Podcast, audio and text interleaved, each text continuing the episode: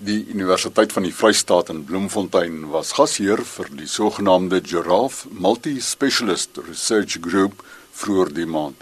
Dit het onder meer 'n internasionale werkwinkel en veldwerk ingesluit en daaroor verneem ons by Dr. François Dieken, lektor in die departement vee, wild en weidingkunde in die fakulteit Natuur en Landbouwetenskappe. Ons het werklik as 'n span uh besef dat uh hier daar moet 'n baie groot benadering wees nie net plaaslik nie, maar internasionaal om die probleem uh, wat ons geïdentifiseer het van kameelperre wat besig is om uit te sterf in Afrika te benader en ons het 'n uh, 'n redelike lang aanloop gehad tot die probleem om nie net uh, die blootstelling om vir die mense te sê kameelperre is besig om uit te sterf in Afrika nie, maar om werklik die probleem aan te spreek. En dit was 'n goeie 2 jaar beplanning geweest om 'n span van oor die 30 navorsers en mense wat vir hulle omgee en en met hulle nie net boer nie maar ook in verskillende dieretuine reg oor die wêreld uh en dan 'n groep navorsers plaaslik nie net van koffsies nie maar van verskillende instansies in die land bymekaar te bring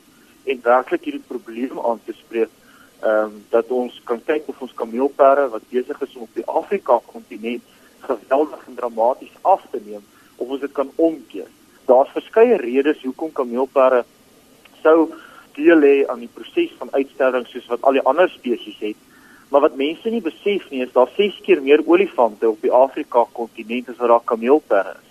Ons in Suid-Afrika is baie bevoordeel om kameelperre op elke wildplaas en reservaat te sien. Maar sodra jy in Afrika opbeweeg, het jy uit ou hierdie klein eilandjies oor van van bewaringsgebiede, ou kan bename noem soos Serengeti of Ngorongoro of of Arusha of enige van hierdie bekende plekke of Amboseli wat jy nog kameelperde gaan kry, maar buite dit is dit 'n baie donker prentjie in Afrika. So ons het bietjie gaan kyk na na identifiseerbare probleme, hoe ons dit kan aanspreek. En koffsies het werklik uh, uit die habitat uit begin fokus.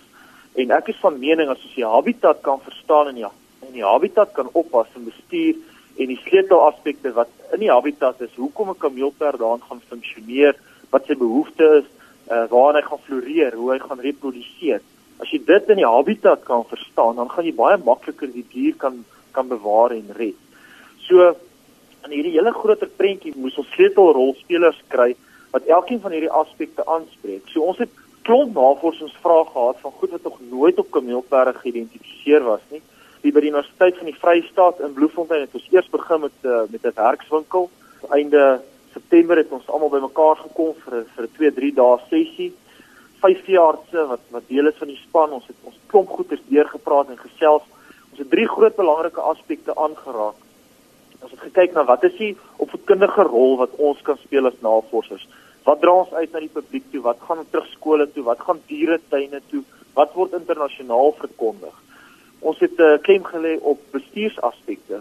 Dit wat op eind eindig met dit wat uit, ons uit navorsing doen, dit het ons bevind. Hoe eindig dit by die by die bestuurder op die grond, die die plaasbestuurder, die wildplaas eienaar, die reservaatbestuurder, die die nasionale parke nie net in Suid-Afrika nie, maar definitief ook in in in die groter prentjie in Afrika. En dan het ons ook gekyk na wat se bewaringsrol speel ons navorsing. Hoe gaan ons letterlik die spesies red van uitsterwing? So ons het sleutelspelers gehad wat elkeen van hierdie goed ehm um, gehanteer het. Uh, Prof Nico Smit byvoorbeeld het vir ons baie insiggewende raad gegee rondom uh die bestuursaspekte en hoe ons dit moet benader uit uit die veld se oogpunt uit en om daai draagkrag en balans te probeer handhaaf uh tussen die dier en die veld en ook die behoeftes wat die wat die dier sal hê uit 'n voedingkundige en uit 'n teeling en uit 'n reproduktiewe al daai behoeftes moet 'n ou in die groter prentjie sien. En al die kennis wat ons uit navorsing uit opbou en die geleenthede wat ons nou geskep het ons het vir 'n week lank saam gaan kameelperde vang en ons het ons het klomp data versamel wat so omvattend is dit is moeilik om in 'n paar minute dit te verduidelik. En ons het ons het soveel waardevolle inligting tussen ons versamel dat die span gees wat daar geheers het en dit wat ons bevind het en verskillende dissiplines het ons besef dat dit is so kragtig om as 'n span saam te werk en en die feit dat Koffsies 'n uh, werklike leier was om hierdie uh, internasionale span saam te trek en hierdie internasionale navorsers bymekaar te bring. Ehm um, dink ek is 'n regtig groot stap in in die toekoms om kameelperde te probeer red en werklike u-draai te probeer bewerkstellig om om om kameelperde uh, op 'n ander manier te benader as wat al die ander spesies wat besig is om uit te sterf het ons met menslik het ons baie min invloed gehad.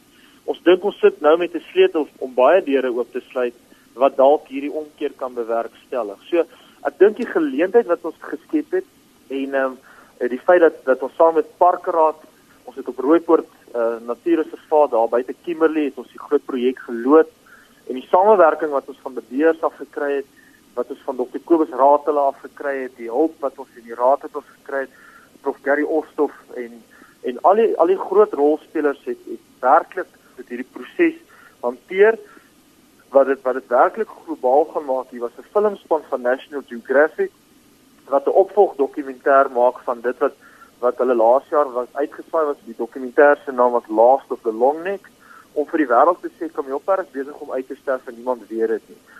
Nou het hulle 'n dokumentêr wat hulle besig is om te maak en dis die proses waarmee ons nou besig is met hierdie internasionale span navorsers wat hulle noem Catching Giants. En dis definitief iets vir die publiek kan dophou en wat ek dink 'n uh, groot internasionale opspraak gaan maak uh, bloot oor die benadering wat ons het en hierdie dokumentêr dink ek gaan gaan werklik 'n baie groot bydrae maak vir dit. So as daar enige van die publiek is, enige mense wat so belangstel, Julle kan definitief gaan kyk op die webwerf, selfs die universiteit se webwerf is daar baie goed rondom kameelperde en die navorsing wat ons doen. As daar toekomstige studente is, kan enige tyd met die universiteit kontak maak, hulle kan met my kontak maak. Uh as daar publiek is wat belangstel, uh ons het baie uitstaande fondse natuurlik. Ons het 'n uh, klomp kollers opgesit, kollers wat ons vir 24 uur 2 jaar uh, op daai diere geplaas het. Nog nooit was daar so omvattend so groot populasie diere gekoller nie. Ons trek met oor die 50 uh, kameelperde wat wat kossies nou al suksesvol ehm um, letterlik plat getrek het en 'n klomp uh, data van versamel het wat uh, sonder enige uh, mortaliteite of fractures of beserings. Dit op sigself is 'n groot prestasie vir ons en ek is geweldig trots om deel te wees van hierdie span en om te help leiding gee in dit en die mense wat saam met my werk kan kan werklik trots wees vir dit wat ons bereik het. So as daar publiek is wat sou belangstel uit 'n fonds uh, werwing hoedanigheid of sou wou kollers sponsor. Ek meen daai kollers, dit is nou so gebruikersvriendelik. Hulle doen dit reeds op die haie dat as jy 'n koller of 'n tag gesponsor het, dan jy toegang tot daai tag of koller en en, die, en jy kan sien waar loop jou kameelperd vir die volgende 2 jaar, waar drink hy water, watter bome vreet hy, saam met watter ander diere loop hy. Ehm um, so jy gaan toegang hê tot daai tipe goed. So die tegnologie maak ons ons ons vriend en ons maak dit regtig deel van wat ons doen, maar ons laat ook nie die belangrike aspekte van uh, grondwerk nie. So ek het twee studente, 'n Nederlandse meisie en 'n Duitse uh, postdoc student wat nou in die veld is wat vir die volgende 2 jaar agter daai kameelperde aanloop wat hulle monitor elke dag gaan kyk of het, of hulle reg is en of daar nie probleme is nie. En so versamel ons dan 'n hengse klomp inligting van hormone, die hormon, hormonale siklusse, streshormone, die estrogene, testosterone, uh parasietvlakke, die nutriëntwaarde van die kos en ons meet die veld, ons versamel grond, plante en dan nou baie inligting van die diere. Dis 'n mooi storie en ek dink ons het 'n baie mooi toekoms vir bewaring van kameelperde wat ons nou in die regte stap volg. Vir ons wat die werkwinkel is iets van die verlede. Wat is julle volgende eerste prioriteit? Ek dink die belangrikste is, is is om alles wat ons omvattend versamel het nou nie net tydens die werkswinkel ons gedagtes uh, ons saam op uh, op papier te kry nie, maar ook om dit wat ons in die veld versamel het nou in in om te skakel in in publiek vriendelike tipe joernale, tydskrifte, die tipe goed dat mense sien wat doen ons, maar ook uh, die einddoelwit is om tussen 15 en 20 wetenskaplike artikels in geakkrediteerde joernale uit te kry met die omvattende benadering wat ons gehad het. So ek eh, ek is opgewonde oor oor die wetenskaplike aspek maar ook om die om die publiek te betrek en dit op 'n gebruikersvriendelike manier te probeer bekendstel. Sou jy op hierdie stadium verwag van boere, wildboere wat uh, kameelperde op hulle plaas aanhou? Ek dink ek ek dink as 'n wildboer besef hy het 'n kameelperd op sy plaas en en hy kom en hy, hy het net bietjie gelees of gaan gaan kyk net bietjie wat wat is die omvang van daai kameelperd. Daai kameelperd is vir hom dalk soveel werd soos wat 'n renoster kan wees. Want want ons in Suid-Afrika sit amper met 'n monopolie met die wild wat ons het. Rondom net ons het daai unieke wildbedryf en ons bied 'n eienaarskap aan daai dier wat beteken jy bied sekuriteit, jy gee voedsel, mediese hulp, ehm uh, jy maak seker daai dier reproduseer en en daai genereer jy ook nou natuurlik inkomste en jy kan draagkrag probeer onderhou rondom die spesies wat jy selekteer en kies op jou wildplaas. Kameelperd is een van daai ikoniese wildspesies wat werklik as jy nie meer gaan kameelperde in Kenia of in Tanzanië of in Afrika sien nie, gaan jy dit net in Suid-Afrika sien. En ek dink is as wildboere besef die geleentheid van van die wildspesies wat ons het en ons kan kan kan dit suksesvol benader en ons kan ons het dit bewys dat Suid-Afrika se se kameelperd getalle het, het amper 200% toegeneem in in die laaste 20 jaar, tussen 16 en 20 jaar waar die res van Afrika se almal gehalveer het en dramaties afgeneem het. Suid-Afrika se is enigste een wat toegeneem het en dit is danksy die wildbedryf. En en ons kan regtig vir onsself sê dat waarmee ons besig is, dis 'n jong bedryf, ons almal weet dit. En ek dink ons is in die geboorteskoene van die wildbedryf.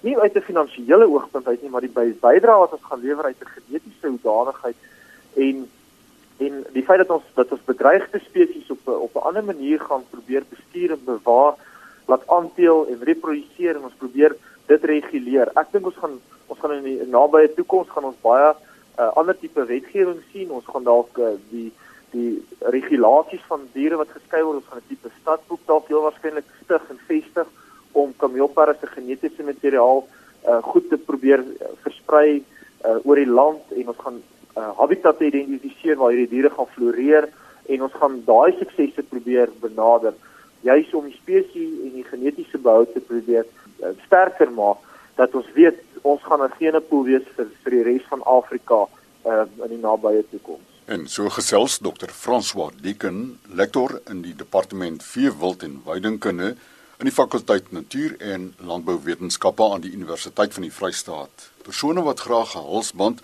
of dan 'n tag vir 'n kameelperd wil borg, kan in verbinding tree met Dr. François Sy e-posadres deacon d e a c o n f by ifs.ac.za. Tot 'n volgende keer, beste wense.